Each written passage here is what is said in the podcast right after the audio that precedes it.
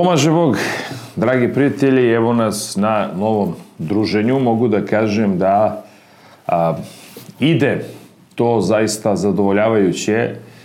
Mislim da dobijamo polako jednu kvalitetnu publiku koja ima nameru da se na ozbiljan način bavi ozbiljnim temama, koja želi da čuje nešto a, na ozbiljan način i koja a, je željna i žedna, i to moram da naglasim, ozbiljnih tema. Znači, mi ovde se trudimo da se ne bavimo politikom, društvenim pitanjima, uopšte spoljnom politikom na jedan uh, onako uh, laički način, već se trudimo da čitamo, da se informišemo i da dajemo neki komentar i da zajednički kada čitam vaše komentare uh, sve to nekako probam da sublimiram i da kandidujem neku temu. Mislim da je tema ozbiljnosti bavljanja politikom, prošla tema dosta dobro naišla na, na ovako na, na vašu reakciju. Opet kažem i ponovit ću hiljadu puta i stalno ću to isticati. Znači, apsolutno je nevažno i nebitno koliko ljudi gleda. Bitno je ko gleda. Znači, da li će gledati to 20 ljudi, ali 20 kvalitetnih ljudi, ili 2000 potpunih lajka ili 20.000 lajka, meni je važnije ovih 20 ljudi koji su a, kvalitetni ljudi koji će negde to nešto preneti, nešto naučiti, možda nešto usvojiti, a i mene možda nešto naučiti kroz svoje komentare. Mora kažem da i na Odisiju isto je jako dobro krenulo, platforma koja, eto, ukoliko ne volite YouTube, to je vaše pravo, a, i razumljivo s obzirom na cenzuru koja se dešava na globalnim mrežama, da gledate nešto na Odisiju. Elem, strašne stvari se zbivaju na nivou čitavog čovečanstva i to baca u senku naše izbore. Kad smo kod naših izbora, izašao jedan vrlo zanimljiv propagandni spot vladajuće stranke, pošto je često zamerka na uh, gostovanja Aleksandra Vučića kao predsednika države da on stalno gostuje samo što ne izlazi iz frižidera, iz rerne, pegle, odakle već ovaj, on je napravio jedan genijalan spot, mogu da kažem da tim koji je to radio je majstorski tim. I napravio je šalu na svoj račun. On to već drugi put u predsjedničkoj kampanji, setite se i prethodne kampanje, on pravi spot koji je šala na njegov račun. A, izvaredan, izvaredan što, setite se u prethodnoj predsjedničkoj kampanji, bilo je ono kad mu viču Vučiću u pederu i tako dalje. I on se samo nasme. Tako i sada. Na stalnu kritiku kako bezmalo izlazi iz frižidera, on zaista pravi spot gde trudnica ovaj, otvara frižider i on izlazi iz tog frižidera i ona kaže, ja pa vi stvarno iz frižidera izlazite, a on kaže, da, zato što mi je stalo da vam objasnim šta smo sve uradili i tako dalje i tako dalje. I on time nije samo pokazao a, tu upornost, nego je pokazao i tu strast da on zapravo živi za politiku. Jedna od ključnih razlika između njega, i to je način kako se ozbiljno baviš politikom, jedna od ključnih razlika njega i ostali, ostale njegove konkurencije u tome što ovi žive od politike, a on živi za politiku. To je ogromna razlika. I on time pokazuje zapravo da mu je stalo da dođe do svakog čoveka, pa i da bude dosadan, ali je poenta da bude dosadan da bi ljudima objasnio šta se radi u zemlji i da ljudi ne veruju nenormalnoj propagandi koja se inače vodi protiv njega i protiv onoga što radi, već da veruju svojim očima, svojim ušima i e, nekim činjenicama. I onda on kad ono ističe, kaže, eto, uradili smo puteve, infrastrukturu, šta već, a kaže, dobili ste i subvencije za kupovinu prvog stana i tako dalje, pošto radi, objašnjava trudnici, I kaže, kad sve to negde budete shvatili, kada meni, zapravo on napominje, kaže, cilj mi je da dođem do svakog od vas, izvinite što je to tako, ali mi je cilj da svakom to objasnim. Kad svi budete negde to shvatili, ja se više neću pojavljivati, neću dosađivati. Ali, kažem, e, šalje poruku, znači da je ozbiljan, da a, svima kandiduje ono što je, što je urađeno i s druge strane, on strahovito diže borbenu gotovost, uslovno rečeno, svog biračkog tela, odnosno svojih aktivista, gde kaže ljudi morate da obilazite narod, morate iz frižidera da iskačete, a da objašnjavate ljudima šta smo radili. Jer to je jedini način objektivno jedini način da se borite protiv serije laži i ludorija koje možete da čujete na ovim društvenim mrežama. Znači, samo upornost. Jer vi sad kad biste čitali dnevno šta izađe na onom Twitteru, šta izađe na, na Facebooku ili već na nekim tim društvenim mrežama, vi bi mislili da je ovde kataklizmična situacija, da ovde samo što nismo svi potrovani, da ekologija je i zašta životne sredine na najnižem mogućem nivou, da svi se otprilike trujemo, ne smemo ništa da jedemo, da je e, katastrofalna ekonomska situacija, da svi smo bez malo sirotinja, da nigde ne možemo da se lečimo i tako dalje i tako dalje, da se deca leče preko SMS-a i slične stvari da hara kriminal. Znači, vi biste to sve mogli da prihvatite kao zdravo za gotovo. Međutim, On kandiduje drugu stvar, ok, vi lažite, izmišljate, ja ću da idem činjenicama i bit ću dosadan. Znači, ja ću da izlazim i da pričam ljudima, pa čak iz frižidera, iz erne, iz pegle, odakle god, ali ja ću da kažem ljudima, jer ipak na kraju se gleda rezultat i to je onaj drugi spot što on fantastično u ovoj kampanji pokazao, to je onaj semafor. Rezultati ti govore, dela govore. I zato on a, je iz korena promenio politiku i gledište politike u Srbiji. To je, ovo, to je ono što ova konkurencija njegova ne može nikako da shvati. Znači, prošlo je vreme a, nadgornjavanja političkog, vređanja, a, ua sam rekao u emisiji slično, zato što je to nebitno. Ljudi traže činjenice, ljudi traže ono što si uradio da im ti to kandiduješ, da im uliješ sigurnost, da im kažeš u ovoj eri e, e, kada rat kuca na vrata i kada, i kada ovaj, e, bezmalo je Evropa u plamenu, jer se odvija sukob u Ukrajini, jer to je na samim vratima čitave Evrope, gde bezmalo može da dođe do, do nuklearnog sukoba, jer se malo, malo preti trećim svetskim ratom, gde sam Joe Biden kao američki predsednik kaže da može da dođe do trećeg svetskog rata, Vama je bitno da imate lidera koji uliva sigurnost i koji kaže čekaj bre, mi ovo radimo. Mi ovo kandidujemo. To je ozbiljnost. Znate, a, ja Vučića poznajem jedno brat bratu 25, 26 godina, ne znam više ni sam. Nije ni važno. Ja tu vrstu fanatizma, a, tog radoholičarstva, ja to nisam vidio u životu. Te posvećenosti. To, to, je, potpuno, to, to je potpuno ludilo. A, ja inače koji sebe smatram relativno odgovornim čovekom, zato što stvarno sam prema obavezama, kad imam obavezu, to mora da se izvrši, tu nema zavitlavanja. Ali da sam sebi sad namećem ne znam kakve obaveze, nisam baš nešto kadar tome. A za razliku od e, njega koji je apsolutni radoholik. Imao sam jednom jednu situaciju, često sam pričao o tome, kad nam je govorio kako je zakazao čas ruskog jezika u 4 ujutru. Ja moram priznam, ja u četiri ujutru, ja ne znam kako se zove. Ja, e, ovaj, a ne da učim ruski jezik, mislim, daleko od toga. Ali, upornost da nauči što više jezika, da bi mogao da čita uh, više tekstova, više stranih medija, da bi mogao prati spoljnu politiku, to je do fanatizma kod njega. I vi kad vidite, vi kad sednete s njim, na primjer, da razgovarate o rusko ukrajinskoj krizi, odnosno rusko NATO, uh, rusko, uh, ruskom sukobu i, i sukobu NATO-a u Ukrajini. Vidite da on do detalja proučio koja zemlja ima koliko kojih resursa, uh, sirovina, zašto je to opasno po Evropu. To je do detalja isplanirano. Vi kad kampanju radite sa njim, to je isplanirano apsolutno do svakog detalja, do, do najsitnijeg detalja sve isplanirano. To se naravno čitaju istraživanja, gledaju se a, procenti, to neverovatno nešto, ali to samo pokazuje šta znači ozbiljno se baviti svojim poslom. I to je ono što ova njegova konkurencija ne može nikako da, da, da savlada. Znači, baviti se politikom znači prilaziti ljudima, znači proučavati, znači kandidovati rezultate – Ne znači, u, a sam mu napisao na Twitteru. U, šta sam mu rekao u televizijskoj emisiji. To ljude ne zanima. Čovek traži platu. Čovek traži da mu deca ostanu ovde. Traži zaposlenje. Traži sigurnost. Traži program.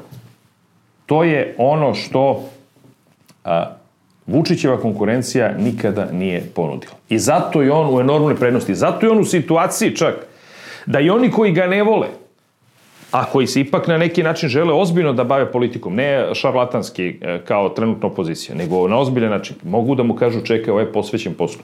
Jer nije isto ako vi ste već u 7 sati e, negde na nekom gradilištu, ili to negde čak u Srbiji, pa posetite to gradilište, u 8 ste primili ne znam kog ambasadora, u pola 9 ste opet negde, ili u 9 na na nekom drugom događaju. Da, vi ste otprilike do 12 sati izređali sva ta silna, sve te silne obilaske, nadgledanje radova, razgovore s diplomatama i sve to i još plus sve to, na, na, na sve to ovaj, imate i kampanju to i vi pokazujete zapravo koliko radite. Da ne govorim što, e, recimo, e, e, vrlo je važno to ljudima, ta geografija, gde on poznaje ne, za, za neverovati gotovo svaki toponim u Srbiji. Mislim sad kad krenete da, da nabrajate sela u nekim opštinama, zabezeknete se komo što zapamti. Znači on gotovo svako selo u Srbiji tačno zna u kojoj opštini gde se šta nalazi, gde ide koji put, koliko stanovnika ima negde, koliko ovo selo ima, koliko nema. Znači ja se svaki put šokiram, moram priznam dosta i naučim, ali ta vrsta uh, uh, ulaska u detalje, A bez toga ne možete. Znači, ne možete ozbiljno da se bavite politikom bez toga, to ja nisam video nigde. Znači, ne postoji političar na kugli zemaljskoj, čini mi se, koji e, do te mere fanatizovano prilazi tom svom poslu. I onda kad mu kažu, jao, vidi ga, on želi da pobedi u svakoj mesnoj zajednici. Da, naravno da želi pobedi u svakoj mesnoj zajednici. Jer suština jeste u tome da ti imaš stalno stranku koja je spremna na borbu. Jer ti ako bi sad prepustio, izgubit ću u ovoj mesnoj zajednici, pa u onoj, pa ti onda gubiš polako. Znači, ne možeš. Ti uvek moraš da imaš, ako hoćeš da pobediš, e, e, šta, šta je ono što, što, e, se, što ovde opozicija ne razume? Suština postojanja na političkoj sceni i, i, i kandidovanja neke snažne politike je upravo u stranačkoj organizaciji. Stranka je suština politike. Znači, iz stranke se sve crpi. I ti moraš stalno da imaš aktivnu stranku. I ljude po terenu, i ljude koji pobeđuju. I moraš uvek da, da gajiš što da, želim da pobedim, da, neću da, da ovaj, sedim bez veze uh, i da, da ovaj, tweetujem, a da na terenu me nema. Znači, zato je vrlo važno pobeđivati u svakoj mesnoj zajednici. Zato ono kad su objave pobedili na prednjaci ne znam gde, sad toliko razlike, to uopšte nije najemno. Oni su pokazali da im je bitno to selo, da im je bitna ta mesna zajednica, da im je bitan taj građanin, da su tamo došli do tog domaćina i zamolili ga da, da, da, da im da glas. Što naravno ovi ne radi. Ja vam sad tvrdim, vi da uzmete gomilovih naših opozicijonih lidera I da je, evo, evo u Beogradu, znači ne, ne moraju nigde dalje van Beograda da idu. Da im postavite pitanja u nekim opštinama u Beogradu da recimo kažu neko selo, ovaj, mesnu zajednicu gde se nalazi, evo, secite me ovde ako bi oni znali. Znači, da ih pitate, evo, pokažite nam na karti gde, gde ne znam, Petrovčić, gde, gde, otku znam, Besni Fok, nije važno. Evo, secite me ako oni to znaju. Oni pojma nemaju. Znači oni, oni iz centra Beograda, iz tog njihovog začaranog kruga nisu izašli. Oni nisu izašli da zamažu svoje cipele salonske koje imaju ovaj, nigde van kruga dvojke. I tako ne možete da vodite kampanju. Ne možete da, da se tako ozbiljno ponašate, jer to prosto nije, nije politika. I onda vi možete da volite ili mrzite Vučića, on je u prednosti nad vama zato što se čovek ozbiljno bavi svojim poslom. Znači, a, bilo koje posao da radite u životu, morate ozbiljno tome da pristupite. Pa čak i fanatizovano, zato što je to jedini način da pobedite. Samo strast a, za tim i želja za, da, da to budete najbolji vas dovodi do rezultata. Ne možete vi da gradite ni bolnicu, niti da dovedete fabriku ako ste vi vlast zamislili samo tako seo sam u fotelju i baš me briga. Nego, vi imate tu neku posvećenost, želite da ostavite nešto iza sebe i kažete čekaj bre, daj da me nešto po ljudi, po nečemu dobrom zapamte, a Vučića voleli, ne voleli, kako god, ipak će neko reći je čekaj, taj je doveo 260 fabrika u, u ovu zemlju i sam otvorio. Mislim da je doveo više, ali i mislim da uliko on negde otvorio tih proizvodnih pogona, fabrika, svega to. Voleli ga, ne voleli, a će neko reći, čekaj bre, ovaj trenutno gradi 10 autoputeva. Pogledajte kakvu infrastrukturu, pogledajte sve, pogledajte rast standarda bruto društvenog proizvoda. Možda pričamo mi šta hoćemo, to, je, to, to su činjenice, to je fakat. I iza sebe je to ostavio. Ostavio neku privredu, ostavio je uređeni bankarski sistem, ostavio je dobar porezki sistem, to će iza njega svakako, svakako ostati i po tome će ga neko pamtiti, jer a, mi o, u principu o našim liderima, i to je negde a, loša, loša strana nas Srba, mi o našim liderima uvek kasnije govorimo po dobru kada, nažalost, oni ili, ili ne budu više živi, ili kada odavno već više ne budu, ne budu na vlasti. Mi se sad, recimo, sećamo nekih dobrih stvari koje je Koštunica radio, a dok je bio na vlasti, mi smo ga ovaj, čerečili bukvalno, a opet možete da kažete imao negde neki princip, imao neki dobrih, dobrih osobina. Međutim, tada dok je on bio vlast, svi mi koji smo bili protiv njega nismo teli ništa da priznamo ono što je dobro radio. Isto vam je za Đinđića, koji ruku na srce je bio ultra neomiljena ličnost u, eh, na srpskoj političkoj sceni, do te mere eh, prokazana ja lično uvek ću govoriti da, da nikada nisam bio njegov, njegov ovaj, pristalica, niti sam se slagao s onim što radi i, ni, i ne mislim, znači ja i dan danas istorijski gledano s ove distance ne mislim da bio bilo kakav vizionar, ali jednu stvar mu odajem kao priznanje, on je bio takođe fanatizovani, uh, fanatizovano posvećen svom poslu i uh, toj nekoj svojoj ideji, on je prvi počeo na ozbiljan i modern način da shvata šta znači politička stranka i politička organizacija. Ja se inače gnušam tih uh, idiota, eh, a zaista moram da upotrebim taj izraz, koji sve negativno vide u političkoj stranci. Naprotiv, politička stranka je nešto što je ustavom definisano kao oblik političkog organizovanja i mene to ide na nerve kad kažu ja, on je van stranačka ličnost, on je super, pa on je sad ne znamo kakve prednosti nad onim što je stranačka ličnost. To su gluposti. Baš naprotiv. Ja sam baš pristalica uh, ovaj uh, stranačkog tog uh, ovaj uh, i zapošljavanja i svega. Jer, mislim u smislu vođenja, rukovodđenja sistemom, na, na, na to sam mislio, da ne bude da sad ako si ti član stranke imaš prednost da se zaposliš, nisam mislio na to, nego, nego govorim uh, u smislu uh, rukovodđenja nekim sistemom. Zato što ta stranka kandiduje neki program i ona kandiduje kako će da se sistem ponaša u globalu ukoliko, ukoliko ona na vlasti. Po čemu to onda van stranačka ličnost bi trebala da ima prednost u odnosu na ovoga što je stranački a, tu doveden i koji na kraju kreva i, i pozne politiku te stranke da bi rukovodio tim sistemom, jer vi ako hoćete da rukovodite sistemom, a, a stranka vas je kandidovala i mora znate negde neki, neki njen program i planove i tako dalje. I po čemu je sad to onda van stranačka ličnost u nekoj prednosti? Pa naproti, ti si kandidovao neku politiku s kojom pobeđuješ na izborima. Molim lepo, a, vrlo je važno onda da, da stranački rukovodioci koji poznaju tu politiku, koji na kraju kreva usaglašavaju se sa onim što a, vlada radi, predsednik države i slično, da rukovode tim sistemom. A, s druge strane, mi ovde uništavamo političke stranke tako što donosimo sumanute zakone, po meni, ja sam veliki protivnik bio toga da mi donosimo zakone po kojima ako si član stranke ne možeš da budeš direktor javnog preduzeća, ako si, ne znam, član stranke ne možeš da konkurišeš da budeš u Visokom savetu sudstva, sad kako je sada po novom ustavu, a recimo omogućujete sve e, grupama građana, nevladinim organizacijama i slično. A izvinite, po čemu to grupa građana nezavisnija ili, ili je nevladina organizacija nezavisnija od onoga što je član stranke? Pa i ta nevladina organizacija ima određeni program za koji... Tako da su to oni u prednosti, A recimo ako je član stranke, on je odmah prokazan, on je uništen, kaže se ti si ovakav, onakav, samo slediš politiku stranke. Mislim, ja to ne razumem. Jer vi kad vidite, imate e, sisteme u Sjedinjenim američkim državama, tamo je potpuno normalno da si član stranke i da si na nekom rukovodećem mestu. Kakve to veze ima? Čak u Americi, u Americi ne postoji termin opozicije. Jer to je sumanuto. Šta znači ti si opozicija? Ti se boriš stalno da negde pobediš. Da li u školskom odboru, da li, da li u mesnoj zajednici, da, ne, potpuno je nebitno. Ako si ti demokrata i pobedio si, ti više nisi opozicija, bez obzira što imaš manjinu u kongresu ili senatu.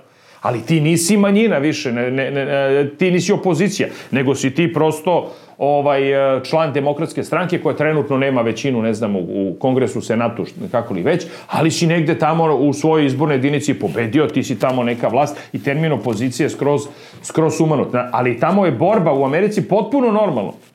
Da li si ti u školskom odboru, univerzitetskom, ovom onom, da ti kandiduješ politiku svoje stranke. Elem, ja želim uh, ovde u Srbiji takođe da kandidujem uh, na neki način tu temu i, i uopšte da o tome razgovaramo, da se u Srbiji vrati integritet političkih stranaka i da se više političke stranke a, ne ruže na tako glup e, način i da se vodi, vodi takva kampanja da sve što je inače iz stranke katastrofa, a sve što je van stranke to je otprilike nešto što je savršeno. Jer ljudi moramo da shvatimo, politička stranka je definisana Ustavom Republike Srbije kao oblik političkog organizovanja.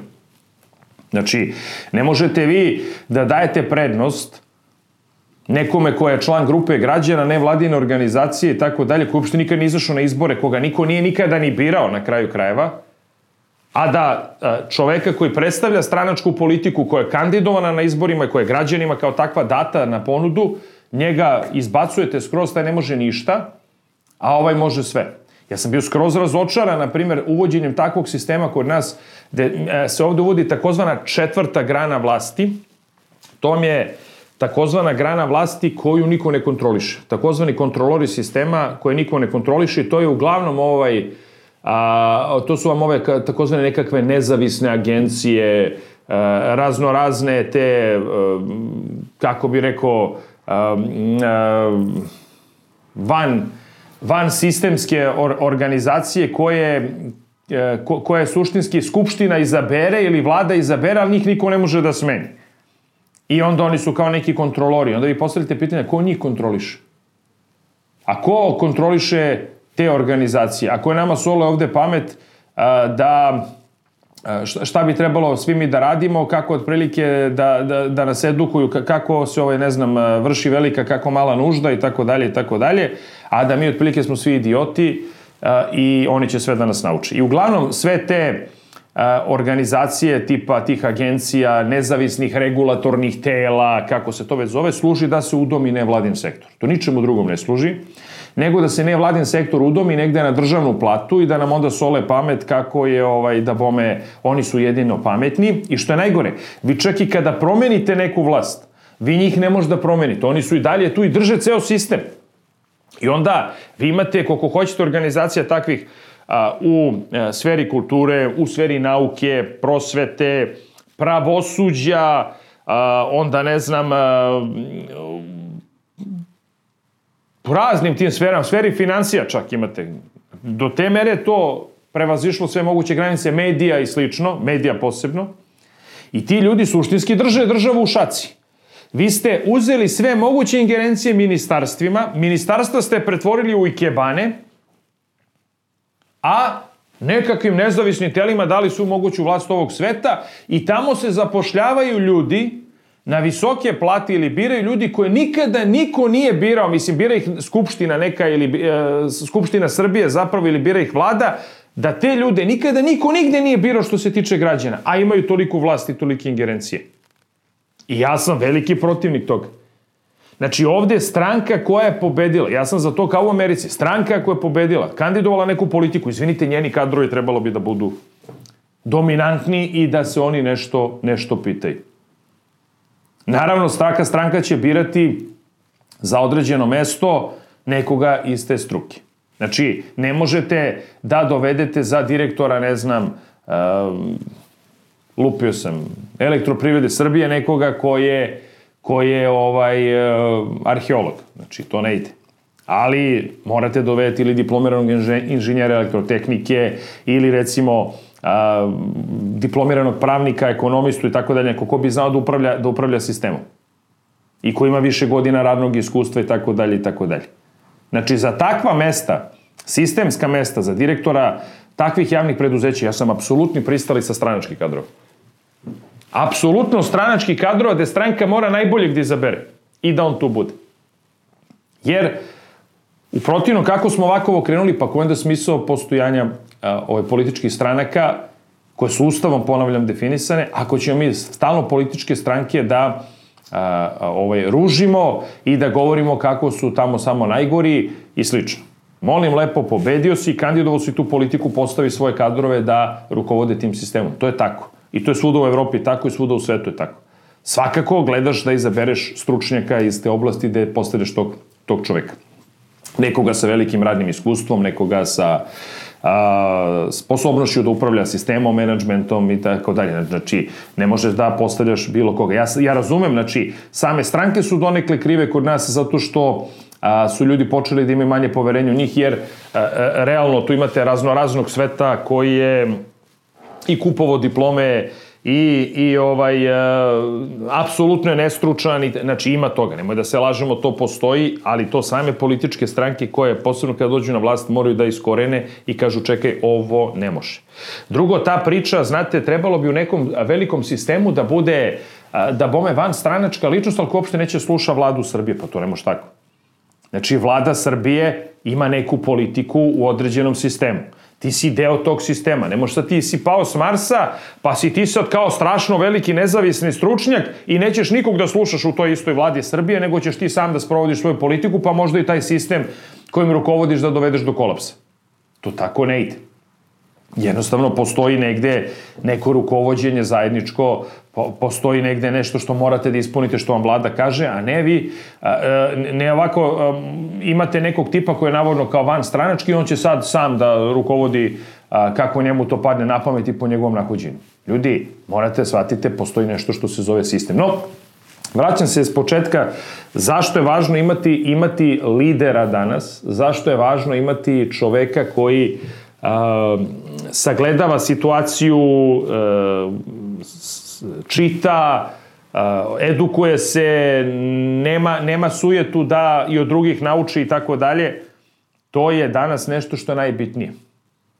To, ovde, ovde neretko važi jedno pravilo koje se meni nikada nije dopadalo i o tome ćemo posebno pričati u nekim našim klipovima. Otišli smo sad malo i široko, ali a, a, jednostavno moram i to da kandidujem. Kaže, ti si sad završio fakultet i ti si kao vrhunski stručnik.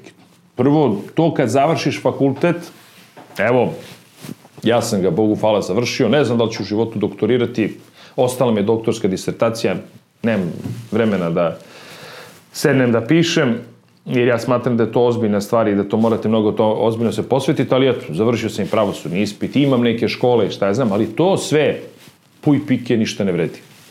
Znači, ja to, pet para ne dajem na to, pet para ne dajem na tu vrstu diplome, Jer ako ti nemaš praktičnog znanja i, i stalnog usavršavanja, a moraš stalno da se usavršavaš, stalno moraš da učiš, to što si ti završio fakultet ne znači ništa. Vi ako gledate realno, a, onaj Lula da Silva u Brazilu je bio proglašen za najboljeg predsednika Brazila, mislim da ima osnovnu školu.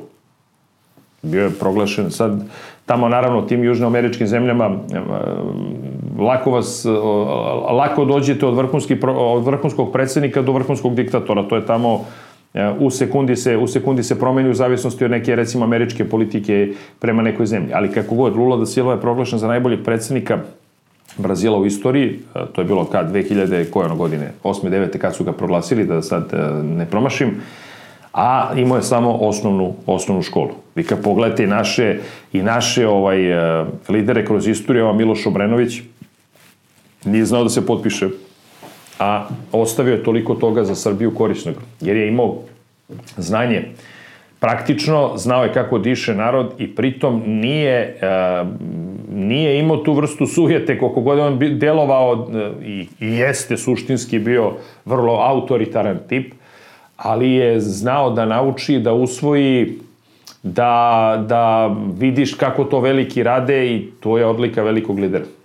Tako da, A, u ovoj sadašnjoj našoj teškoj situaciji gde se mi nalazimo između Čekića i Nakovnja i gde bukvalno smo u situaciji gde moramo da izaberemo da li ćemo da primimo šamar sa leve ili sa desne strane.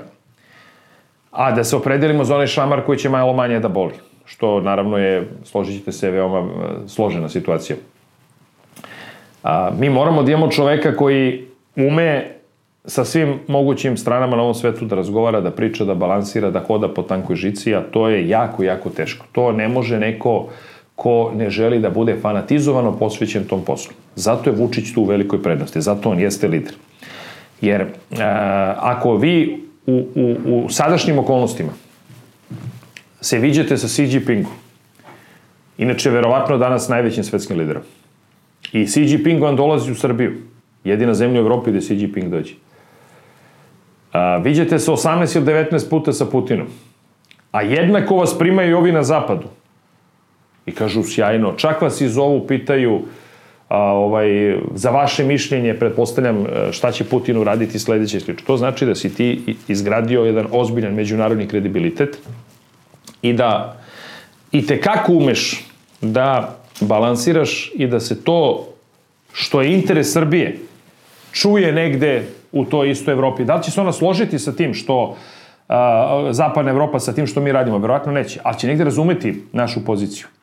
Jer na kraju krajeva najbitnije da kod tih nekih uh, lidera koji žele da vas drže pokornim, da ipak u nekom momentu razumeju vašu situaciju, jer uh, to minimalno razumevanje ipak dovodi od toga da vas ne ponize do kraja.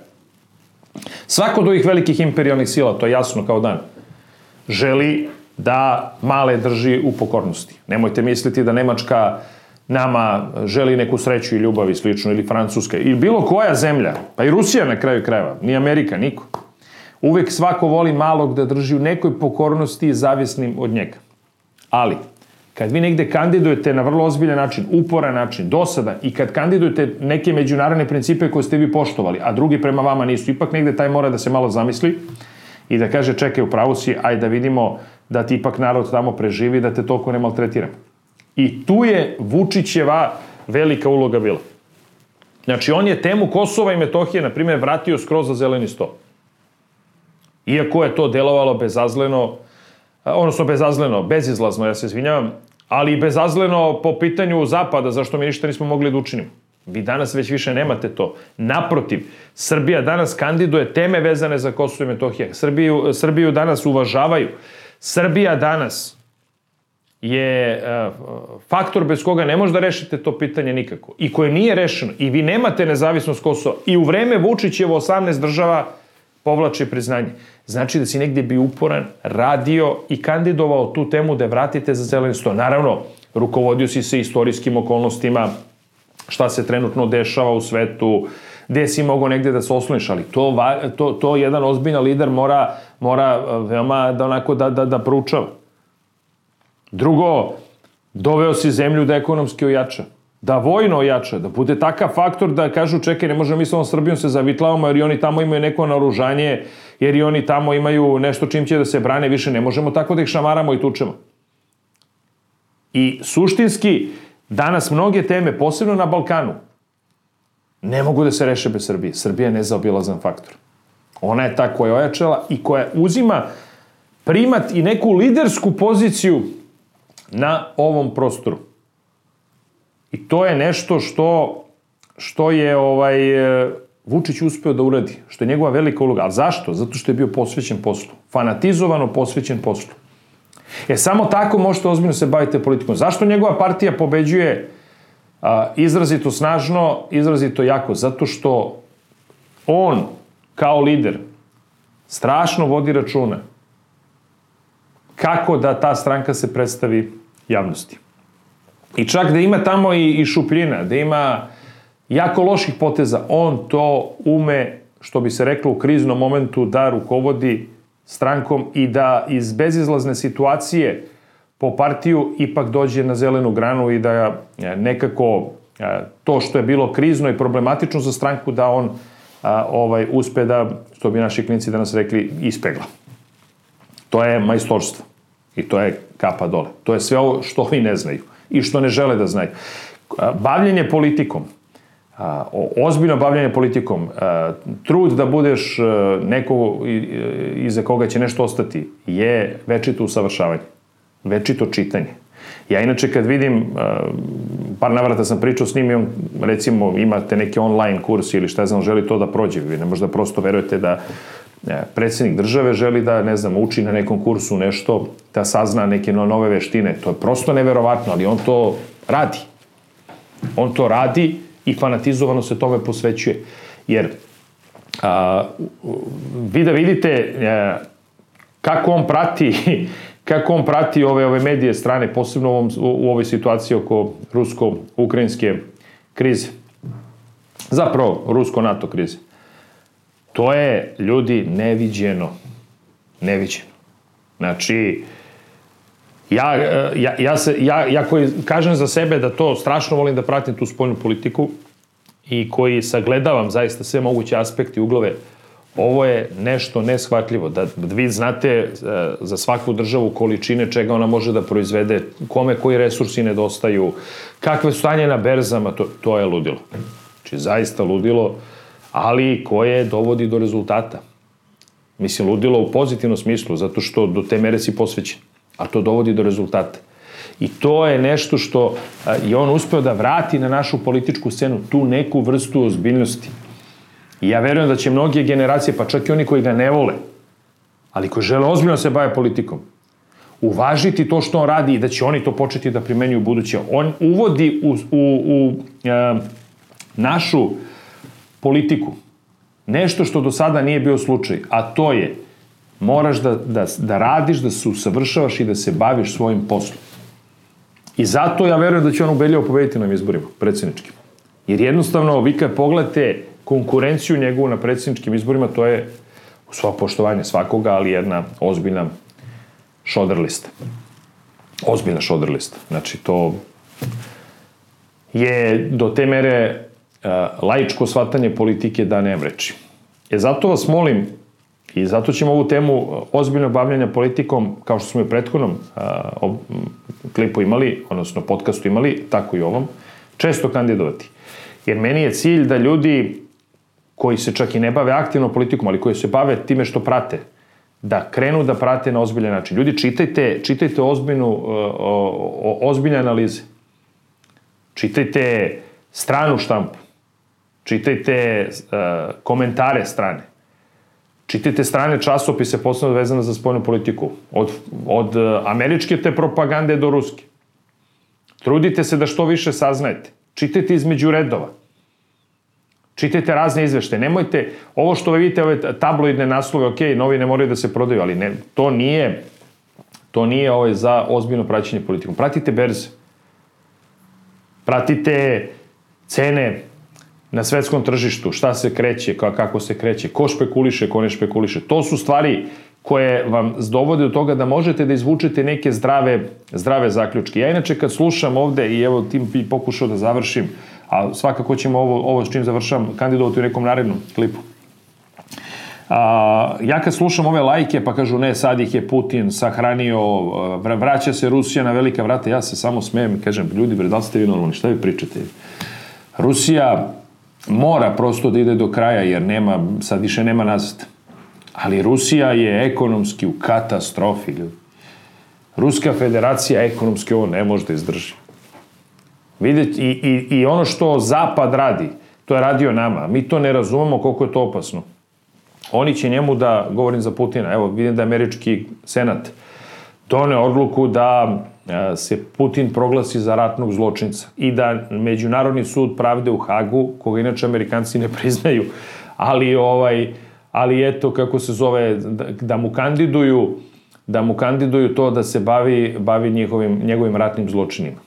Zašto je ovo vrlo važna vest koju ovde malo ko će primetiti? Vrlo je važna vest zato što a, Zapad će na Putina gledati kao na ratnog zločinca i niko sa njim neće želiti nikakve dogovore. Biće prinuđen da stalno vodi neke pregovore, jer ipak se radi o velikoj sili koja je vojna sila, koja može mnogo toga i da ugrozi, ali ga nikada više neće doživljavati kao relevantnog sagovornika s kojim mogu da reše neki problem zato što će ga smatrati ratnim zločincem i uvek će ga držati u nekakvim sankcijama, Ukrajinu su žrtvovali pa su žrtvovali, ali će reći dobro, ti si to uradio, super, ali to je ratni zločin. I kad tad, zbog ovakvih sankcija i zbog svega što ovo uvode Rusima, Rusija će doći u situaciju da njeno stanovništvo počne polako da se buni, jer vi ne možete da trgujete sa Evropom, izopšteni ste iz civilizacije, izopšteni iz sveta, I u jednom momentu će doći, i to negde ono na što Zapad računa, na pobunu unutar same Rusije. Jer ne možete da toliku zemlju držite izopštenu iz čitavog čovečanstva. Onda će ovi na zapadu kažu, pa ne, čekajte, ali vi imate diktatora, imate ratnog zločica, e, vidite sa njim, sami to rešite, pa kad to rešite, onda se javite da možemo da pregovaramo i razgovaramo. Jer a, faktičko stanje jeste tako da će Rusija ovladati Ukrajinu, to je, to je jasno. Ali je faktičko stanje i tako da Zapad nikad neće to ovladavanje Ukrajinom priznati. Znači ovde jedino što postoji varijanta to je da se stvara neki novi, možda ruski svet, a to je nerealno. Zato što ipak je centar ekonomije, centar civilizacije, centar uh, uh, proizvodnje, svega na zapadu. I dolar je taj koji je dominantan. Koliko god pokušavali sada Rusija i Belorusija da povuku dolar ili da recimo Kina i Emirati trguju juanima i slično, dolar je taj koji je dominantan. I on diktira. I svidelo se to nekom ili ne, ali su to činjenice. Zato mi moramo da vodimo računa, e, mi nismo tako jaki imperialno ili kako god hoćete kao sve ove velike sile, niti kao Kina, niti kao Rusija, niti kao Sjedine američke države, mi smo mala jedna Srbija, gde naš lider mora sve da prati i sve živo da računa. Kako bi mi spasili sebe, sebi glavu? I zato se klonimo velikih izjava, zato se klonimo velikih, teških reči, jer mi uvažavamo i moramo da vodimo računa o našoj poziciji. E tako se ozbiljno bavi politikom. Svako dobro od gospoda, vidimo se u nekom drugom klipu za koji dan.